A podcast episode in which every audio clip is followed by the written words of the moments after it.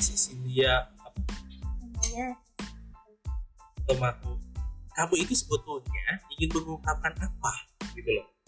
Hmm, jadi kalau ditanya tujuan saya itu apa itu tadi. Saya ingin masyarakat luas uh, menganggap ya sex education itu adalah hal yang wajar untuk dibahas. Seperti itu kan karena selama ini seperti yang kita tahu sex education apalagi di negara kita ini sangat kurang ya dianggap tabu dianggap tidak pantas untuk dibahas Yeah. padahal itu adalah salah satu bentuk pengetahuan umum agar hal-hal yang tidak diinginkan seperti orang tua orang tua kita bilang supaya tidak inilah supaya tidak itulah supaya itu tidak terjadi Oke, oke.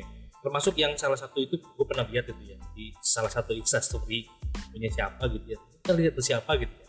Tapi yang jelas itu berbicara tentang bagaimana rasa sperma. Nah, apakah itu bagian daripada sex education atau seperti apa? Atau itu hanya pengen ya udahlah itu istilahnya eh, mengeluarkan hal-hal yang tabu doang gitu. Ya, ya. Atau kayak gimana itu? balik lagi ya tadi Hmm, Uh, pendidikan seks itu sebenarnya hal yang biasa dan saya Iya. ingin melumrahkan hal itu mewajarkan hal itu gitu Hmm. jadi kan kita tuh kalau ngobrol apalagi uh, orang anak orang-orang seusia saya tuh ah apa sih pembahasannya? Gini-gini. Jadi kayak Iya. malu-malu tapi akhirnya nyari taunya dengan menonton video porno yang sebenarnya tidak dapat apa-apa tidak dapat pendidikan apa-apa gitu. Padahal menurut saya itu pendidikan yang wajar loh kayak kita membicarakan yang kayak oh itu kan salah satu bentuk sex education bagaimana bagaimana berhubungan seksual itu mencapai mencapai, mencapai kepuasan di antara kedua belah pihak. Seperti itu sampai ke, ke arah sana. iya sampai ke arah bagaimana dua pihak itu ya istilahnya dalam tanda petik terenakan lah gitu iya. ya terpuaskan. Sampai karena seks itu kan yang harus ada konsen pihak-pihak yang terlibat di dalamnya. Baik. Entah itu dua orang di dalamnya tiga orang di dalamnya empat Iya. orang di dalamnya. Ya baik. Kalau begitu berbicara tentang konsep seksual ini itu tidak hanya per dua orang personal yang melakukan itu Iya. gitu ya karena dalam seks itu juga bisa berpengaruh terhadap hal yang benar? Uh, berpengaruhnya kayak tidak hanya melibatkan dua orang itu Ah, Iya, kan setiap orang tuh mempunyai orientasi seks yang Hmm. berbeda-beda kan, tidak bisa disamakan gitu. Jadi ada orang yang mungkin nyaman ketika ada tiga orang di dalamnya, Iya. atau dua orang tapi satu orang menonton seperti Oke. itu. termasuk yang tadi yang yang baca uh, instastory tadi gitu ya tanggapannya mereka itu apa Eh, Kan apakah gue pernah nih ngerasain ini rasanya asem Iya, asin Iya. terus kemudian genah-genah tidak misalnya kayak gimana gitu iya. pernah nggak Nah, eh bu- bukan pernah maksudnya ada nggak yang mengungkapkan hal itu Ada. ngede DM gitu ada banyak banget. Itu yang Banyak saya banget. saya share kemarin itu cuma sekitar sekitar lima persen 30 persennya malah. 30 oke 30 persennya.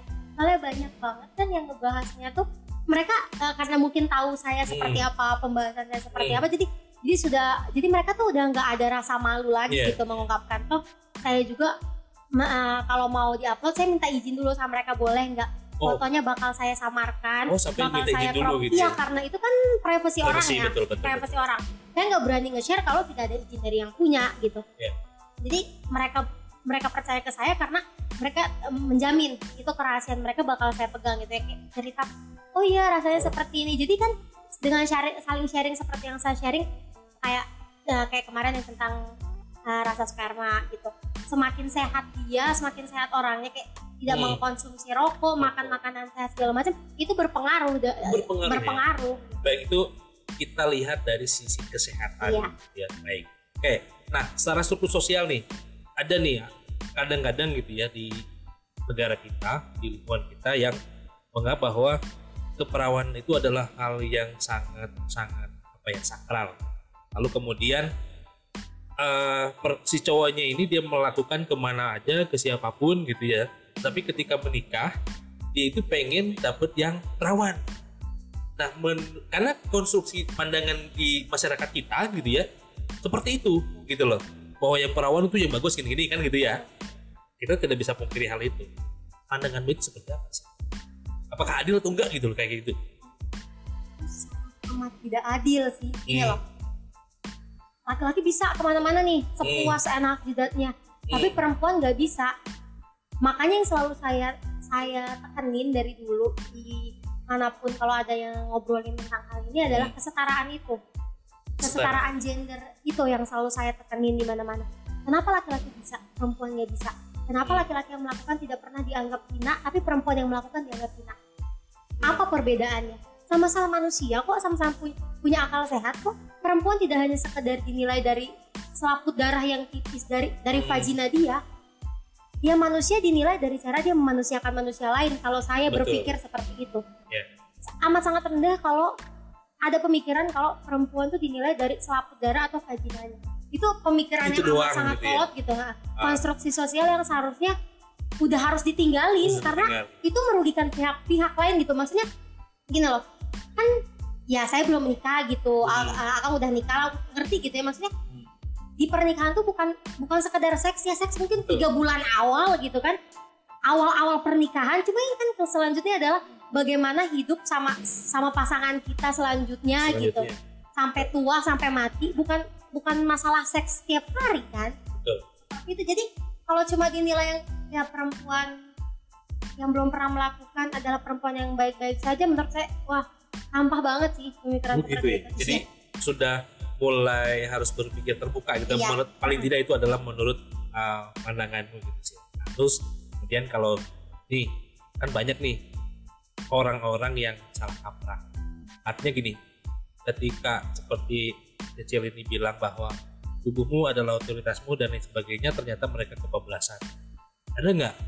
Istilahnya kayak kalau dikatakan wejangan wejangan deh buat anak-anak yang baru gede ABG lu kalau mau begini harusnya begini deh biar Oh. biar biar biar juga nggak dilecehin Iya. biar biar nggak salah langkah kayak gimana Eh, kalau saya mau negasin sekali lagi ya yang tentang tubuhku otoritasku Hmm. gitu my body not yours Ya.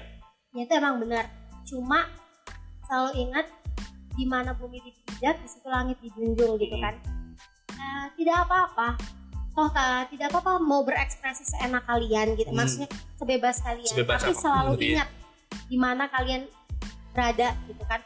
Terus untuk kayak eh, ABG ABG anak-anak yang baru gede eh, perbanyak belajar yang cari cari apa ya informasi yang benar-benar kredibel gitu. Supaya nggak nggak salah dapat informasi juga. Dan buat orang-orang kan banyak tuh akhirnya kayak perempuan-perempuan yang akhirnya melakukan premarital seks sama pacarnya terus Mhm. ditinggalin terus merasa dirinya tidak berharga sama sekali kalau dari kalau dari saya pesan saya adalah itu tadi seperti kata saya perempuan itu tidak hanya dilihat tidak hanya diukur dari Hmm. sebatas vagina atau selaput darah darahnya dia perempuan itu dinilai dari bagaimana cara dia bersikap bagaimana cara dia memanusiakan manusia lainnya itu Oke. aja sih oh kalaupun memang kalian sudah melakukan itu jangan pernah merasa diri kalian gak berharga gitu. Terus Hmm. merasa yang kayak seakan-akan ingat perempuan itu bukan barang. Yang Oke. kata orang kayak oh lu udah dipakai berarti lo rusak. Hmm. ingat jangan menempatkan diri kalian sebagai barang. Kalian itu manusia yang utuh. Oke. gitu loh. Ya gitu. Jadi maksudnya ya udah gitu. Eh, jangan seakan-akan kayak oh lo juga nggak bisa ninggalin gue nih karena lu udah make gue. Hmm. nggak boleh ngomong kayak gitu. Karena kenapa? Ketika kalian melakukan have sex ini kalian mau sama mau loh ada konsen kedua belah pihak Ke- kecuali kalian diperkosa mungkin Maksa. kalian marah gitu. Tapi kalau kalian mau sama mau terus ketika diputusin dengan Hmm. kata-kata yang kamu nggak bisa ninggalin aku soalnya kamu udah pernah make aku kamu udah pernah tidur sama aku. Menurutku itu udah sangat nggak ini sih. Ma- karena itu tadi ada konsen kedua belah pihak. Hmm. jangan seakan-akan kamu yang dirugikan. Oh kamu menikmati kenapa ngeluarin kata-kata kayak Hmm, baik baik kedua belah pihak gitu ya. Nah, jadi jangan Oke. selalu menyalahartikan yang kayak apa ya jadinya oh perempuan perempu- eh, jangan akhirnya menurunkan harga diri perempuan sendiri gitu Baik, kalau gue sih gini mandangnya ya. Jadi ketika ingin melakukan segala sesuatu itu memang uh, ada umur-umur tertentu misalkan 17 ke atas atau 21 tahun ke atas itu diberikan otoritas tapi untuk tetap dia bisa bertanggung jawab. Nah, saran gue sih kalau ke yang itu gitu ya. Ini bagi bapak tadi jadi harus berpikir ulang deh gitu. Kalau mau gimana melangkah dan sebagainya, coba deh semuanya harus pikirkan secara matang-matang ya. seperti itu gitu ya. Bukan hanya ngeliat enaknya aja, Iya. bukan hanya ngeliat romantis dan lain Iya. sebagainya sampai pada akhirnya sakit hati dan sebagainya. Jadi harus memang apa dipikir secara matang-matang Iya. gitu kali ya. kalau saya selalu bilang yang kayak ya ketika kalian mau melakukan hubungan seksual apalagi sebelum pernikahan pastiin itu benar-benar kalian udah siap lahir batin gitu udah siap Hmm. dengan segala resiko yang ada Kalau nggak siap nggak usah deh. Gitu. iya soalnya gini loh orang yang nikah aja yang bersaksi di depan Tuhan malaikat teman-teman kerabat penghulu segala macam bisa cerai gitu bisa cerai gimana orang Iya. yang cuma aku sayang kamu kita pacaran ya bullshit Bullshit. jadi Iya. jadi, gitu. Iya, iya. jadi tolong dipikirin lagi gitu jauhnya seperti apa Hmm. akan itu tadi aku sayang kamu aku gak Ah, bakal bullshit, ninggalin kamu bullshit. bullshit Bullshit, bullshit banget yang Bullshit, kayak iya, gitu, kayak gitu. kan Oke. jadi itu tadi jadi sebelum ini kalau emang ini dipikirin matang-matang dulu resiko yang akan terjadi ke depannya seperti itu Betul. Karena itu dibalikan lagi ke diri Iya, silakan sesuai dengan keyakinan lu. that's right Ya. Tapi satu lagi nih, gue mau tanya. Ini eh, mungkin ada pertanyaan dari yang lain juga. Maksudnya ketika lu seorang cicil eh, berbicara tentang pemberdayaan perempuan, feminisme dan sebagainya, bagaimana pandangan lu terhadap itu? oh oh Nggak harus wow. Pengen tahu Oh. aja gitu. Nah, kalau saya karena mungkin saya masih enggak ya saya enggak eh, saya perlu jelasin lagi saya tidak Hmm. bilang kalau orang-orang eh, kalau eh, LG eh, orang yang mempunyai orientasi seksual berbeda seperti yang mayoritas adalah orang yang jauh dari agama enggak saya juga Islamnya juga cuma KTP gitu kalau kita eh Apa? Gak tahu saya karena juga Iya. Aku nggak tahu KTP apa jadi, bukan ya. eh, kalau saya masih meyakini Tuhan menciptakan Adam dan Hawa. Jadi Bukan Adam, Adam dan dan, Hendra gitu kan. jadi itu tadi. Adam dan Hendra iya. ya. Jadi saya masih percaya kalau ya laki-laki diciptakan untuk perempuan. Hmm. Eh, tapi saya juga tahu kalau itu adalah orientasi seksual berbeda gitu. Oke. Tapi ap- itu tadi saya cuma eh, bilang saya menghargai keputusan kalian. Itu Hmm. hidup kalian. That's your life. You will do what you wanna do gitu Oke. kan. Selagi kalian tidak mengganggu kehidupan saya, ya saya akan tetap menghargai kalian. Saya tidak akan menjauhi kalian kok. Seperti itu. Sip, thank you ya Cil ya udah datang ke kita udah ngobrol tentang pemberdayaan perempuan tentang education tentang hal-hal yang sebagainya oke terima kasih pada teman-teman juga yang sudah uh, nonton di ini jangan lupa share, comment, like, subscribe terima kasih